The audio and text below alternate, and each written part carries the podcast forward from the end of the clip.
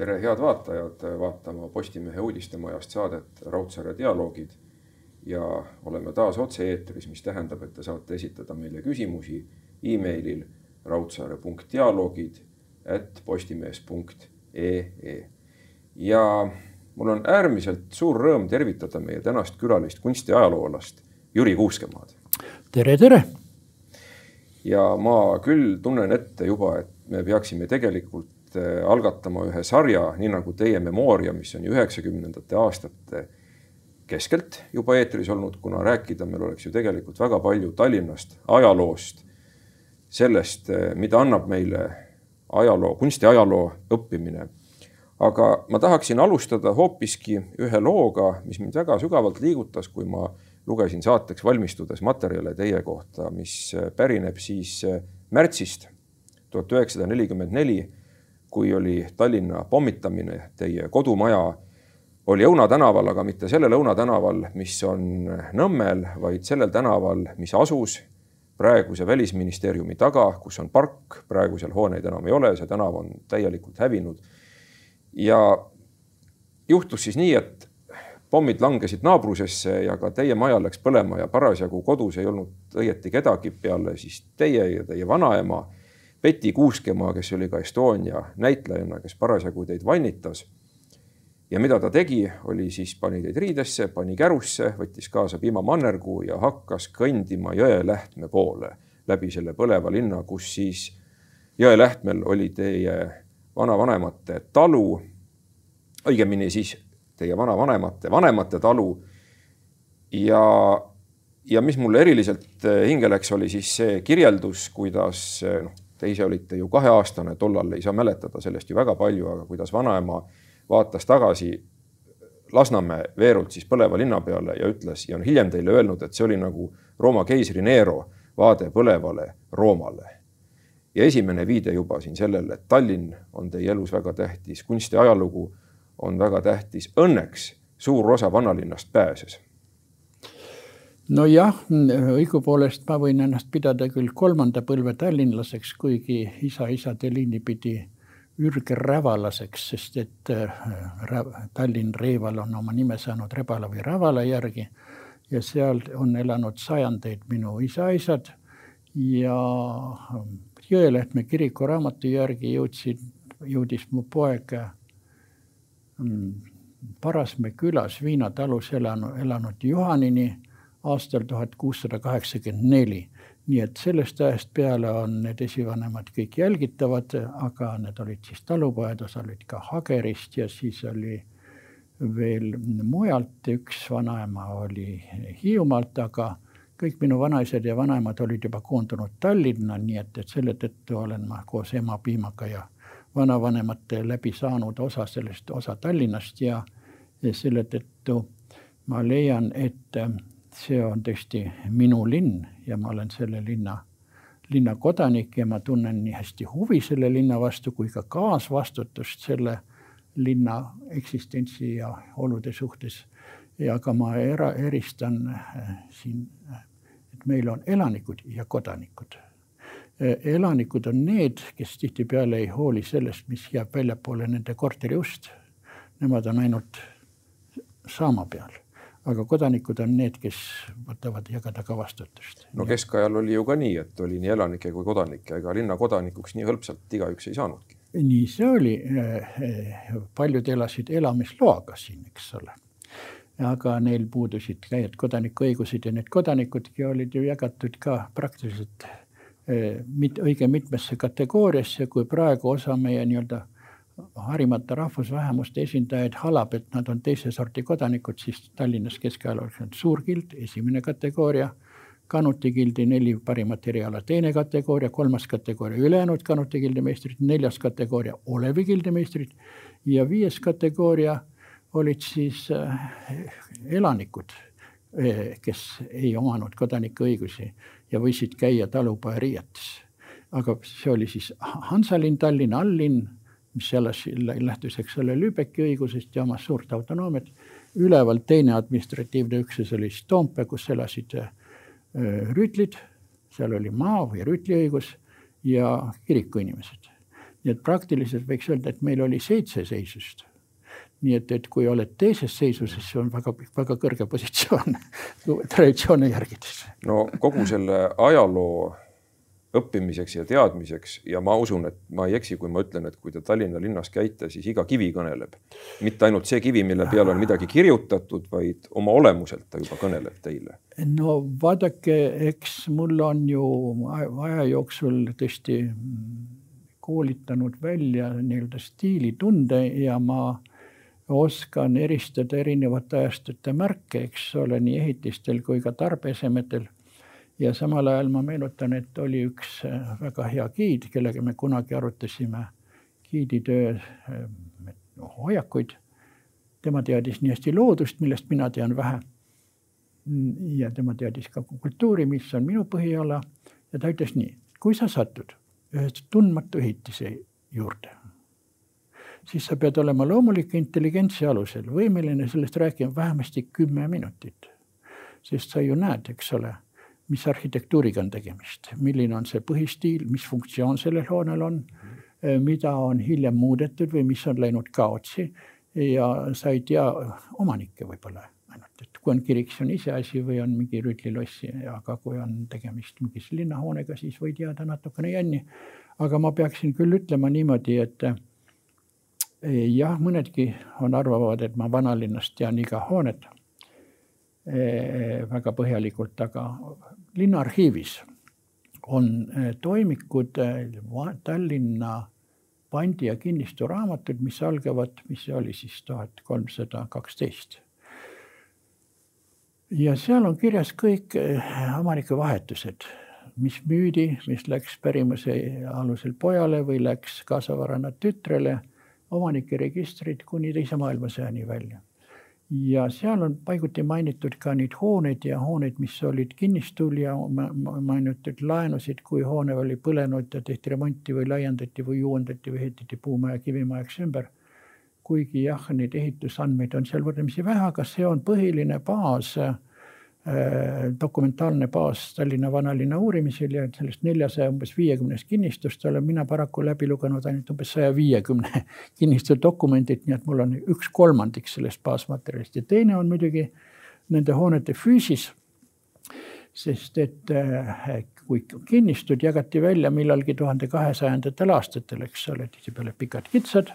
ja see struktuur on jäänud ju Taani ajast. ja, ja see struktuur on jäänud kuigi osalt on need, need hooned äh, olid puust, lammutati, ehitati kivist hooned, kivist hooned, äh, mõned ka jäid sõdades äh, unarusse või, või põlesid väga põhjalikult ja siis mõnel puhul müürid lammutati, aga needsamad kivid pandi jälle müür, uutesse müüridesse või mõningal puhul jäid need sinased müürikarbid alles, aga kõik, mis oli puust, tuli teha uus.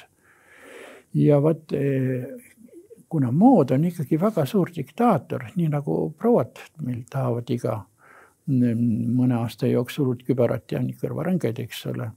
nii ka vanalinna kodanikud võib-olla kord sajandis tegid sellise moekohase uuenduse oma ruumides, kaminad, uksed, ahjud, seinadekoor ja nii edasi.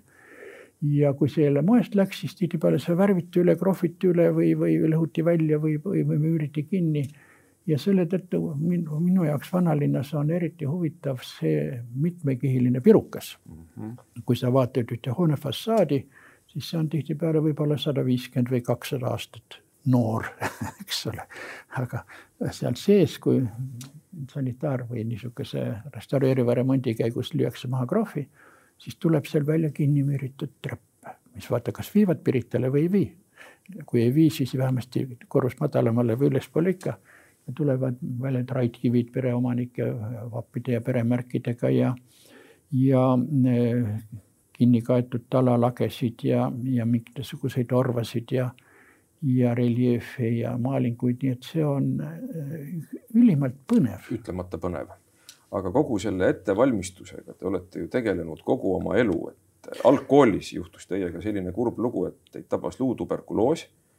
Te olite haiglas ei saanud õieti liigutada peale pea ja käte midagi muud, et kirjeldame seda, et see oli ju kips. terve no, kere oli kips siis. jah, see oli toona, leiti, et seda luutuberkuloosi võib ravida ainult absoluutse liikumatusega ja mul oli see protsess vasakus puusas. ja siis äh, kolm aastat olin ma Nõmmel laste luutuberkuloosi sanatooriumis Ravila tänavas. see oli niimoodi, et selle keha all oli kipsvorm, mida aeg-ajalt uuendati, me ju kasvasin sel ajal ka. ja see oli äh, seotud, minu põlved, jalalabad kes oli seotud selle kipsi külgepaltega. sealt olid omakorda paelad, mis olid voodi, raudvoodi nende polkade juurde ulatusid. patja peal ei olnud, käsi võis liigutada ja siis toodi niisugune raam venerist, puidust, mis pandi selle voodi servade peale ja seal oli siis kalkplaat. kalkplaadil oli üks liist, sinna sai panna vihiku või paberi siis sai niimoodi kirjutada ja sellest on mul kujunenud välja väga vilets käekiri aga seal sai siis ka raamatu panna ja raamatut võis muidugi ka kätte võtta. ja vaadake, siis äh, sinna sattudes teine, kolmas, neljas klass. minus tekkis see, loomulikult see protest selle liikumatuse vastu, aga meile oli öeldud, et kui sa ennast lahti seod ja ühe minuti liigud, siis pead veel aasta pikem kauem lamama. Ja siis me allusime sellele lamamisdistsipliinile, aga ei saa ahistada vaimu, vaimu ei saa kinni siduda. Kui, või vang, kui vang on ka üksik kongis siis oma vaimus saab ta liikuda ajas ja ruumis. Ja vot mind see liikumatus olek sundiski lugema igasuguseid reisikirju ja eh, vanu seiklusraamatuid ja, ja ajalooraamatuid ja, ja nii edasi. Ja vot see andis minule selle arengutõuke. Et hiljem, kui ma jälle jalad alla, alla sain, siis ma jätkasin lugemist ja, ja kui ma läksin üli Tartusse õppima ajalugu, kuigi Tartus serveeriti seda ajalugu, ma astusin tuhat üheksasada kuuskümmend väga punaselt, vastik, minu jaoks vastikult. kuuskümmend viis aastal? kuus, tuhat üheksasada kuus, kuuskümmend ma astusin. kuuskümmend. ja siis ma mõtlesin, et ei, mulle ei sobi punaprostituudiks hakata ajaloolasena. et ma pean midagi, millegi muuga hakkama tegelema ja siis mul tuli võib-olla minu elu kõige parem idee. siis, kui oli Kotika, siis ei olnud kommunistlikku parteid ja kui ma tegelen väga vana ajaga, siis ei pea ma tsiteerima ei Leninit, ei Stalinit ega kommunistliku partei nende kongresside pleenumite materjale, siis ma võin enam-vähem ausalt tegeleda asjadega, mis mind huvitavad.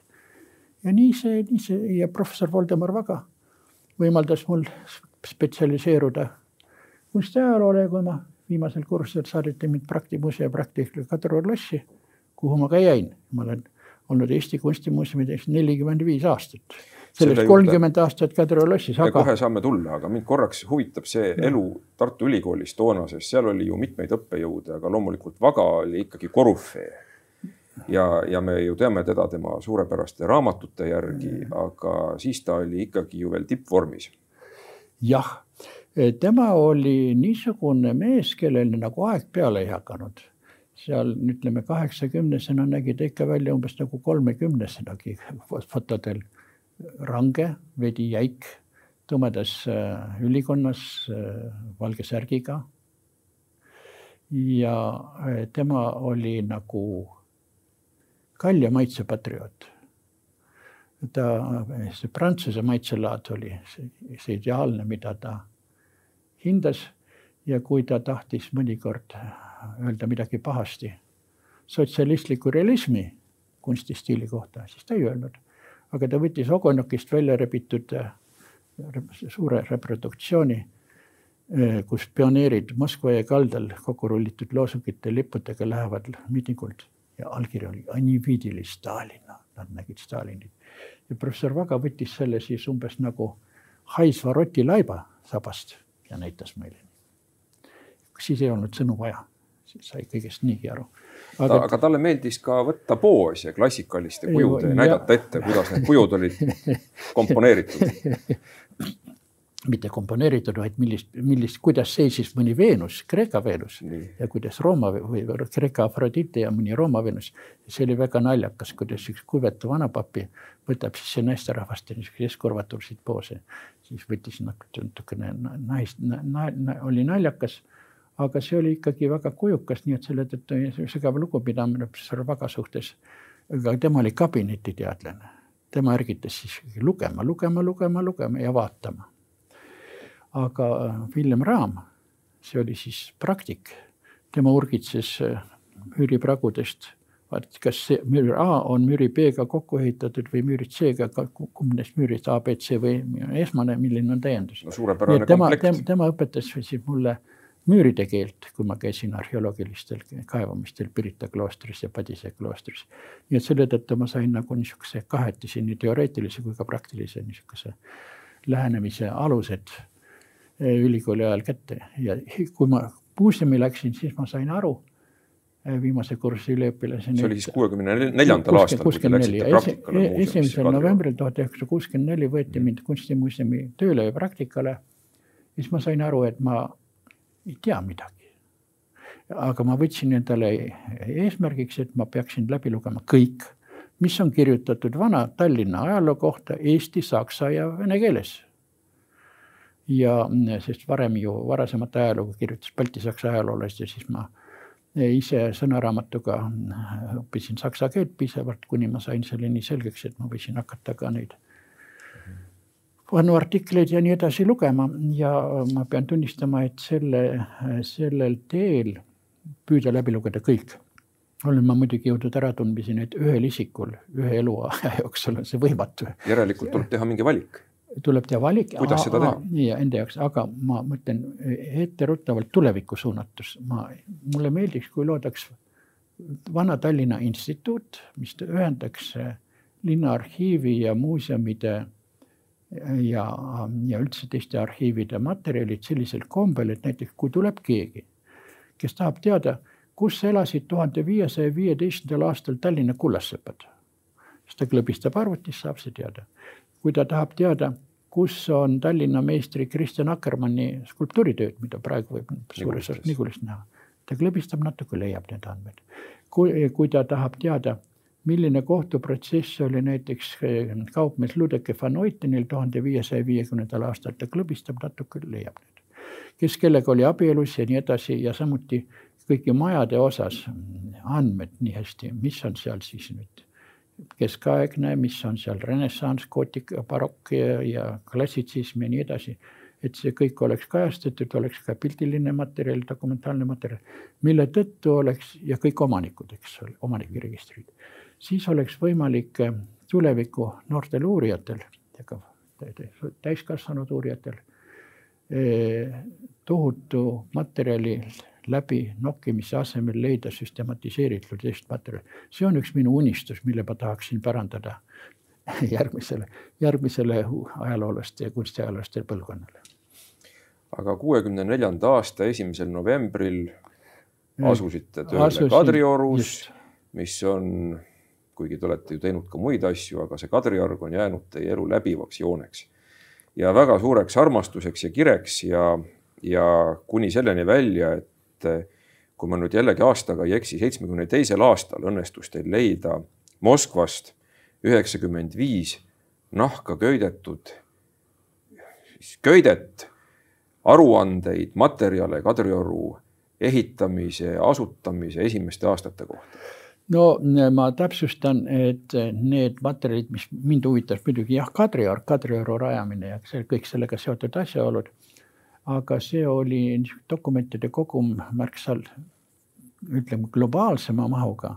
kabinet Petra Velikova, Peeter Suure kabinet, kuhu olid koondatud kõik talle saadetud äh, aruanded, raportid, memooriad ja promemooriad, nagu toona kirjutati, kirjad ja arved, mis on köidetud äh, nendesse nahkkaante vahele, need köited on umbes sellise paksusega ja mm, sealt ma siis nokkisin välja äh, andmeid, kuna ma käisin siis seitsmekümnendate aastate ja seitsmekümne kuuenda aastani käisin igal aastal seal arhiivis, istusin mõned nädalad. miks? Äh, ühel, sellepärast, et esialgu, kui ma olin noorukene muuseumi töötaja, siis ma ootasin, et vanemad staažikad äh, ajaloolased nagu Voldemar Vaga ja Helmi Üprus ja ja Mai Lumisted, kes tegelesid Kadrioruga, et nemad avaldavad, uurivad ja avaldavad kogu tõe. aga kui ma siis veendusin, vist seitsekümmend kaks võis, võis see ollagi niimoodi, kui Mai Lumiste brošüür Kadrioru loss ilmus, ma neelasin selle hetkelt alla. ja seal jäi üles küsimusi. ja seal need kaheksateistkümnenda sajandi osas kõik minu küsimused jäid vastuseta, siis ma vihastasin. see aitab autoriteetide kummardamisest. ega ma pea peale päris kukkunud ei ole, et ma lähen, hakkan, pean ise uurima, et leida need vastused küsimustele, mis mind huvitavad. ja siis ma läksin Linnaarhiivi, et need, ma läksin kõigepealt Linnaarhiivi, lugesin siin, mis oli mõningaid asju. Läksin Tartusse, Tartus on Kadri lossi arhiiv olemas, fond kakssada neli muide. aga seal see materjalid algavad midagi nii tuhat seitsesada seitsekümmend mm. -hmm. tähendab, varasem aeg on ikka aga puudu. see pool sajandit, algusaeg puudu. jah. No ja siis linnaarhiivist sain ma teada, et, et eks ole, Vene, Vene arhiiv, mõtlesin, et peab Vene, on kuskil midagi olema, et Venemaal on kaks olulist arhiivi. üks oli NSV Liidu ajaloo keskarhiiv Peter Leningradis endises sinodi hoones ja Moskvas äh, NSV Liidu vanade aktide arhiiv ja selles vanade aktide arhiivis on niisugune dokumentide kogumik, nagu seda on Peeter Suure kabinet ja on ka Fürst Menšikovi fond. Fürst Menšikov oli tuhat seitsesada üksteist kuni üheksateist, see Kadrioru asi algas, Eestimaa ja Ingerimaa kuberner, nii et tema kaudu pidi ka osa dokumente läbi käima. ja siis ma läks, selle peale läksin, sõitsin kohale ja sain nimestiku, vot ja siis seal nimestikku vaatasin, et ütleme tuhat seitsesada kaheksateist, et seal, et oli kirjas ka mõned dokumendid, mis olid Tallinna peakomandant saatnud tsaarile. Ja siis ma tellisin need köited ja toona ei antud mikrofilmi, vaid toodi kohe terve köide. köited lauale? köited lauale, originaalis. aga kui ma siis vaatasin, siis ma pidin peaaegu nutma hakkama, sest et ma valdasin vene keelt väga hästi juba iseenesest, aga ma ei saanud peaaegu millestki. see oli nii võimatus kirjaviisis, niisuguse šriftiga kirjutatud, et. seal oli siis toimunud kirjareform. vaat just, tähendab paljude nende reformide seas, mida Peeter Esimene läbi viis Venemaal, oli ka kirja, kirjakeele reform kiriku slaavi kirjaviisilt. mindi üle ilmalikule šriftile ja siis noh, siis katsetati mitmesuguseid tähevorme ja kirjutusviise ja kirjutuse hoogu ja siis kadus ära see kirikuslaavi keele kalligraafiline täpsus, korrektsus ja seal oli väga eba, ebamääraseid. palju neid variatsioone tähendab. oli, neid erinevaid sümboleid? no vaadake, lugu oli niimoodi, et ma sain muidugi paleograafilise tabeli, kus neid Peetri-aegsed tähed, mõnel oli kuni kakskümmend, tähel kuni kakskümmend varianti. ühel tähel kuni kakskümmend kuni kakskümmend varianti, no tavaliselt oli kaks-kolm küll, aga, aga või siis. Pluss kombinatsioonid. pluss kombinatsioonid ja siis kasutati ikkagi veel vanamoeliselt neid äh, lühendeid, kasutas sõnalühendeid, jäeti mõni silp välja ja mõni täht oli kirjutatud siis rea peale. ja siis vaata ja siis nuputa ja mõtle, et mida see kõik tähendab. et see oli nagu, mõned inimesed on õnnelikud, kui nad stresssõnu lahendada. aga minul oli see veerimine oli mulle äh, väga põnev ja siis ma tellisin sealt fotokoopiaid ja nendest mõningatest Tallinnast saadetud kirjadest ja lasin need siis kunstimuuseumi pööningul tööruumis, lasin videoskoobiga seinale suurelt. ja siis vaatasin paleograafilist tabelit, ahah, et see sõna on, see täht on ja, see on A, see on B, see on V. aga mis see on? Ah, see on E hoopiski, no ja kirjutasin siis selle sõna ära ja niimoodi. Need mõistatused tuli alles hakata lahti muukima, aga mis oli kõige põnevam lugu, mis nendest eh, üheksakümne viiest köitest välja tuli Kadrioru kohta? no muidugi, eks see põnevus oli eh, kõigi nende sündmustega seoses, mis eh, olid seotud ehitamisega, kes ja kes olid meistrid ja kes olid töömehed ja mida, kes olid sunnitöölised, kes kiviraja tahusid ja kellel olid ära lõigatud kõrvad, kellel ninad näiteks, eks kogunisti. või kui oli näiteks tüli, et need sunnitöölistest vene töömehed eh, tahusid kive ja müüsid neid ka Tallinna kodanikele, aga Tallinna kiviraidurit Tšunstil oli esmaõigus müüa, võõrastel ei olnud õigust müüa oma tooteid. ja siis oli seal muide näiteks niisugune tüli, mille lahendamisel olid need sunnitöölised öelnud, mõõvas subjammi dosmerti zarežem, me tapame teid ära ja pussitame surnuks. või siis oli seal, see oli mujal küll, Tallinna admirali, Vene admirali kaebus tuhande kaheksasaja kolmekümnendast aastatest, et Kadrioru lossi ülemteener keelas tal lossipargis suitsetada. sest see oli tsaari Nikolai esimene korraldus.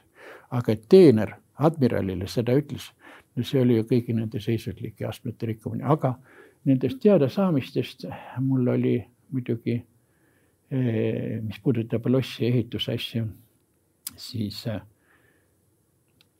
kui professor Voldemar Vaga pidas äh, ühte mm, puunikerdajat Riiast Kadrioru lossi dekoori teostajaks, siis selgus, et see oli teinud ainult seal mõned kivid, mitte üldse puitu. ja, ja ma sain teada, et eh, kui mm, Mihhail Zemtsov, arhitekt Miketi Sell ja tema järglane said tsaaril korralduse sõita Stockholmi ja Jelsinforsi, et leida meistrit maalimise töö jaoks Kadrioru lossis, siis sai Semtsov endale osta sealt paruka kuue rubla eest. Aga maalimise töömeistrit ei leidnud, aga ta leidis ühe kujutöömeistri, Zeltrechti, kes teostas suure osa sellest dekoorist, mis seal saalis on, sellest nukkdekoorist. ja samas oli, mul oli väga liigutav ka lugeda Peetri ja Katariina kirjavahetust oli tõsi küll avaldatud tsaari ajal, kuidas nad siis eh, jagasid oma muljeid ka sellest aia arenemisest ja, ja selle ja mis seal kõik toimub ja nii edasi. Nii et, et seda avastamisrõõmu oli väga palju ja eh, minu ette kerkis see pilt, kuidas need ehitustööd toimusid üsnagi kujukalt. no ja näiteks purunes üks legend, mida levitati tuhande seitsmesaja kahekümne esimesel aastal Eh, Peeter Esimene olevat pannud eh, oma käega ühe telliskivi Kadriorlossi müüri, mis on siiani krohvimata. Aga jah, ma sain teada, et see tõepoolest niisugune lugu oli, aga see oli, aeg oli mõnevõrra teine. kas siis pani või ei pannud?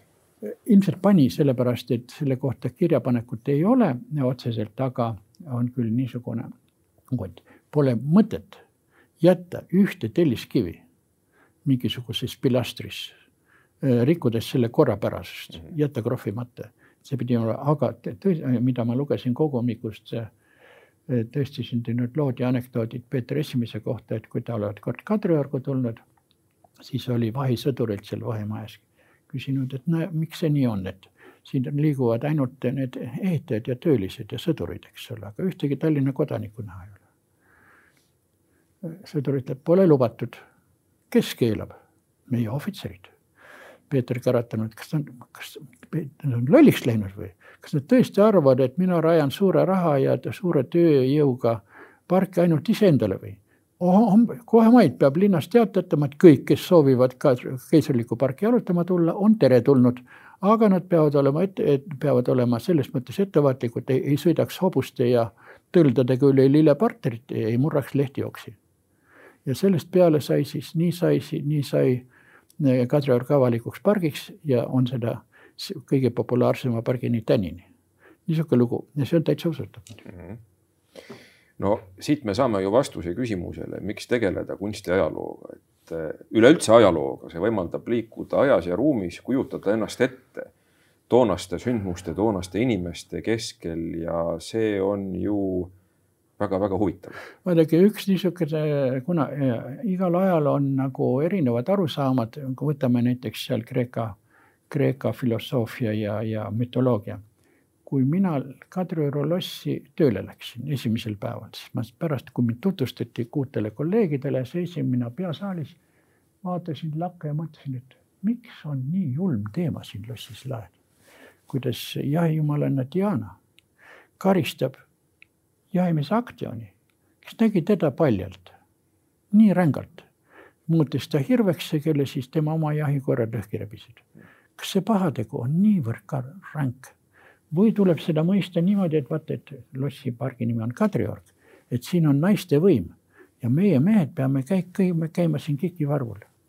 ja läks kümme aastat, kuni, kui ma sain teada, et selle teemaga, vene õukonnaga seotud kunstis kajastati mm, Rootsi kuninga Karl kaheteistkümnenda lüüasaamist ja hukku, hukkumist.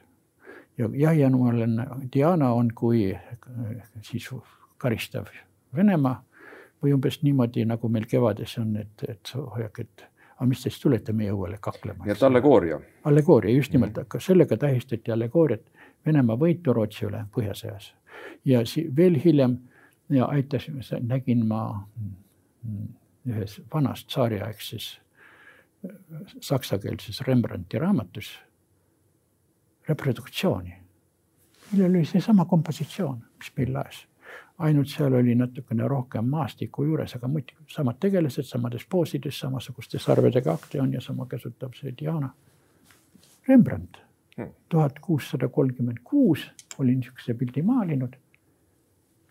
see oli mingi fürstlik Saksamaa vürstlikus kogus see maal, aga ilmselt sellest tehti siis gravüüre ja vot kolleeg Jüri Hain leidis ühe Ovidiuse väl-, Pariisi väljaande tuhande kuuesaja lõpust, kus on see gravüür, mille järgi on maalitud see maal. nii et, et see seitsmekümne viiendal aastal kirjutasin ma Sirbis ja Vasaras ühe oma parimatest artiklitest Rembrandti ja Karl kaheteistkümnenda kogemata kohtumine Kadriorus. ainest küll ainest, ainest küll. Ja intriig missugune. aga nüüd on meieni jõudnud vaatajate küsimused, nagu mulle tundub ja tavapäraselt serveeritakse meile need Vaagnal. aitäh.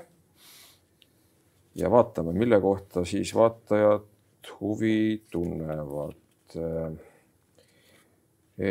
ja kohe niisugune põnev küsimus, et noh, teid peetakse geneetiliselt tallinlaseks. Ja ma arvan, et see ei ole vale, harjumaalane kindlasti, kui me ma, läheme ma tagasi ütlen, sadu aastaid. revalane, revalane.. nii, nii eh, isa, isa kui ka isa-ema liinis, ürgrevalane. ja kas see geneetiline taust võimaldab linna tajuda kuidagi teisiti, kui noh, siis meie, kes me oleme näiteks endast rääkides, mina olen liivimaalane, sisserändajad vaadake, mina tunnen ka selle linna niisugust talupojalist tausta ja seda seost, eks ole, sest et ka minu isa-isad sealt eh, Parasmäelt eh, Jõelähtmest ilmselt käisid ka pühapäeviti oma hobuste ja vankritega siin Raekoja platsil tur-, suurturul midagi müümas ja midagi ostsid siit ja nii edasi, nii et, et see, et see seos oli mm., nemad, nemad olid toona siis ka li, kahtlemata linnavarustajad paljude põlvkondade jooksul ja arvatavasti mõnigi nendest äh, Ehm, perepo-, noorematest perepoegadest, kes ei pidanud jääma seda talu harima, seal tulid linna ja linnastusid ja sulasid äh, rahva sekka. aga kuna toona ei olnud perekonnanimesid, perekonnanimed tekkisid alles hiljuti, siis eks ole, pärast pärisorjuse lõpetamist, siis meil oli niimoodi, et äh, meie suguvõsa, isa-isad, Kuuskmann said nimeks, perekonnanimeks. ja kui oli nimede eestistamine nii et minu vanaisa Augusti ja ka vanaema Betty, kui ta talle mehele läks, olid alguses kuuskümmend tuhat üheksasada kaheksast peale. aga kolmekümnendatel aastatel, kui nimede eestistamine, siis ähm, minu vanaisa võttis Kuuskemaa. üks tema vendadest võttis Kuuskmäe ja üks võttis Kuuskmaa, nii et ühest Kuuskmanni suguvõsast sai kolm aga, ja osa kuuskmanne jäigi kuuskmannideks ja praegu on üks väga kuulus tšellist Martin Kuuskmann, eks ole, kes on ka minu, minu, minu sugulane, aga ma pole e, täit suguharust, kogu täiest suguharust ma ei omagi praegu ülevaadet, aga vahetevahel on meil siiski suguvõsa, mõningad suguvõsa kokkutulekud Parasmäel. nii et, et selle tõttu jah, ma tajun nende linlaste ja äh, lähikonna talupoegade seost ja mm, samas ma tajun ka Tallinnas veel ühte niisugust hoiakut, mis võib-olla ei ole kolleegide poolt väga hoolikalt veel sõnastatud, see on tallinlik rahvakunst mm -hmm. raidkunstis. meie kiviraidurid olid ja kujuraiujad olid, üheksakümmend protsenti olid eestlased. osa ja nende kõrval oli vähe välismaa professionaalseid meistreid ja osa meie raidkunstist on üllatavalt naiivne täitsa nagu lapse käega raiutud. seos rahvakunstiga? ma ütlen, et see on Tallinna rahvakunst. Mm, Eesti rahvakunst Tallinnas, vanas Tallinnas. see ei ole mitte baltisaksa looming. siis tasub seda kõigil tähele panna, vaadata. ja no vaadake Aga... kasvõi Linnamuuseumi portaalil on nii naljakad ja naiivsed lõvid, et oh, kohe on, on. meil on kohe. siin küsimusi veel, et üks vaataja küsib, et kas te teete jätkuvalt ekskursioone ja kuidas neile tulla saaks? Vaadake, mina olen jah, ma teen seda jätkuvalt. ma olen teinud nii-öelda, eks ole, nii linna kui ka riiklike institutsioonide ja kultuuriülikoolide tellimusel. ja olen teinud seda ka firmade ja siis eraisikute tellimusel. nii et, et kui nüüd see koroona vaibub, siis ma võib sellel teemal jälle rääkida, sest praegu, nagu me teame Äh, nii-öelda rahvakultuuri üritused on ebasoovitavad ja sellised kogunemised, kus on koos rohkem rahvast. nii et, nii et kui keegi, äh, mina olen nii-öelda avalik meesterahvas, kui te olete huvitatud, siis leiate mind internetist, minu kontaktid. pöörduge minu poole, võib-olla kevade poole, võib-olla võiks see asi juba jälle kõne alla tulla, kuigi tänavu ma pole isegi Eh, saksa ja inglisekeelseid eh, jalutuskäike pidanud tegema, mis on eh, mõnevõrra ebatavaline. Neid külalisi lihtsalt pole. Neid külalisi lihtsalt pole. nüüd küsimus, mis mind ennastki on vaevanud, kui me loeme Hargla Melchiori lugusid, kas nendes lugudes edastatakse autentsel viisil keskaegset Tallinna? vaadake, Indrek Hargla on suurepärane poli-, kriminaalintriigide punuja, aga tema minu teada ei valda saksa keelt ja tema loeb inglisekeelset materjali ja nii et võib-olla osa tema asju, asju on rohkem sobivamad juhtuma Londonis kui, kui Tallinnas. ja mina olin ausalt öeldes pettunud, kui ma lugesin tema oleviste mõistatust. ja ma ei saanudki aru, milles see mõistatus siis oli sellest tekstist, aga mina ütlen nii mõistatus, oleviste mõistatus seisneb selles et kui legend torn, tornihete olevist, äh, seda psühholoogiliselt mõtestada, et seitsme aasta jooksul, eks ole, seitse meistrit hukkusid, äh, sest saatan takistas, et jumala auks nii kõrget torni ehitatakse. ja siis üks mees ehitas selle kiiresti valmis. et miks siis jumal ja saatan neid rolle siis niimoodi jagasid ja samal ajal, et torniehete olevi, et nagu mainin, kujutisel, väidetaval kujutisel on kärn, konn ja madu, mis viitab tema konn. jah, maduss ja konn, põrgulike jõududega.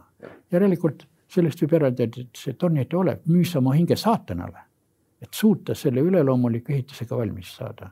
ja mina ütleksin niimoodi, et selles on äh, Immanuel Kanti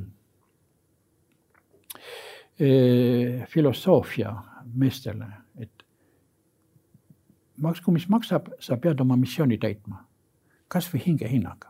ja vot minu meelest siin ongi. uus allegooria. uus allegooria, et oma hinge hinnaga ta tegi selle ära ja sai saatanaga kaubale, et kuigi too kiristas hambaid, et issand auks, eks ole.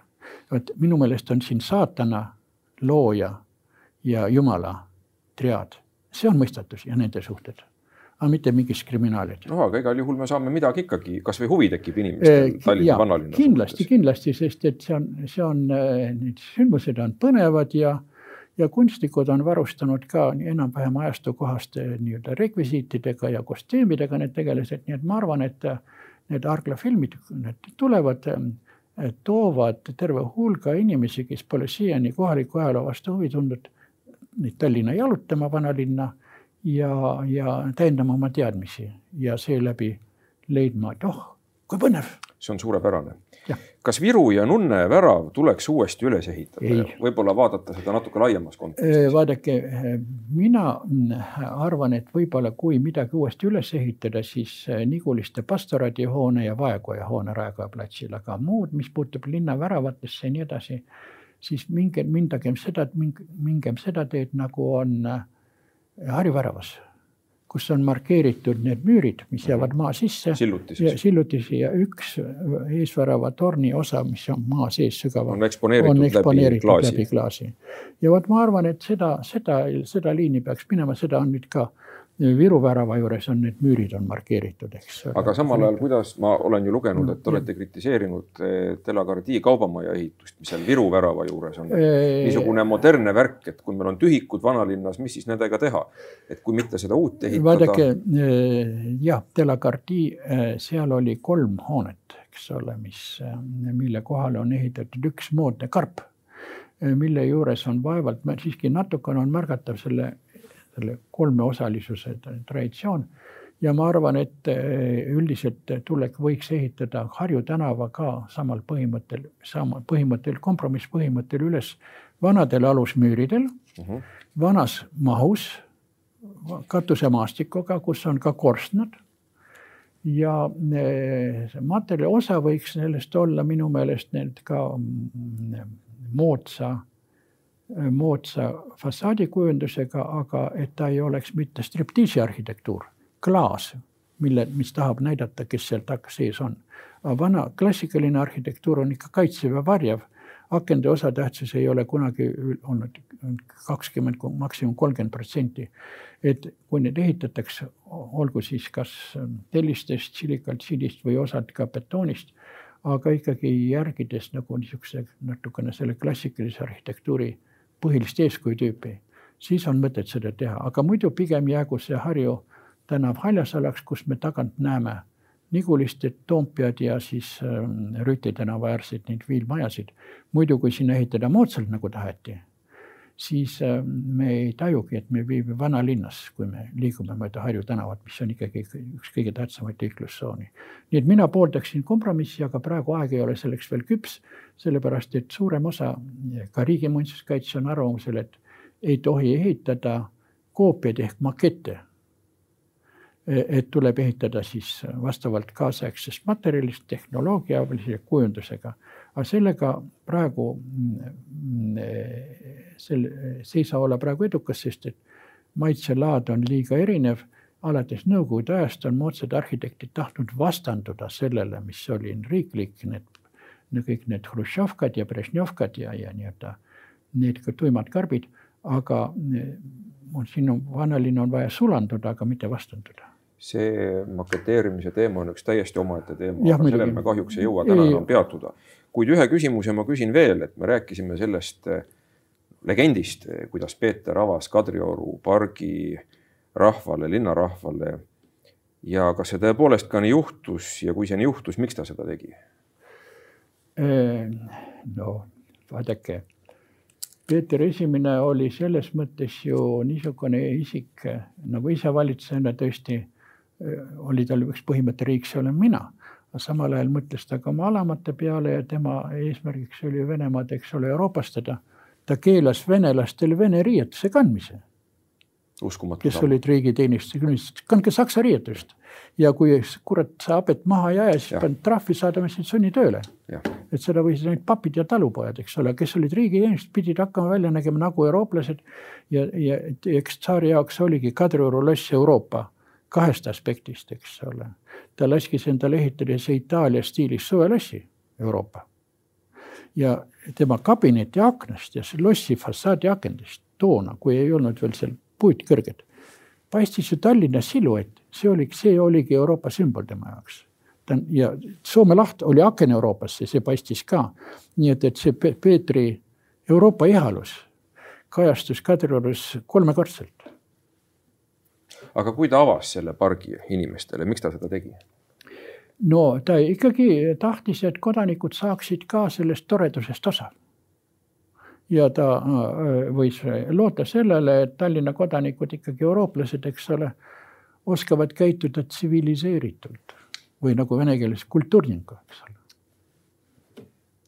see on nüüd äh, lõppmotiiviks väga hea mõte, et kui me oleme Tallinna kodanikud või kui me seda mentaalselt ei ole, me võiksime selleks saada. just nimelt, et hoida, väärtustada oma linna ja käituda tsiviliseeritult, vene keeles siis kultuurne.. just. just. suur aitäh, Jüri Kuuskemaa, selle huvitava ajaloolise vestluse eest, väikese vaat-, tõesti väga väikese vaate eest meie minevikku. mina omalt poolt lisaksin vene isemõtleja Kuzma Prudkov ütles, Njabjatne ei ole võimalik emmatella emmateldamatut nii ka kogu ajalugu ühes saates. aga nii, natukene, natukene tuleb ju proovida. suur aitäh selle eest. võtke heaks.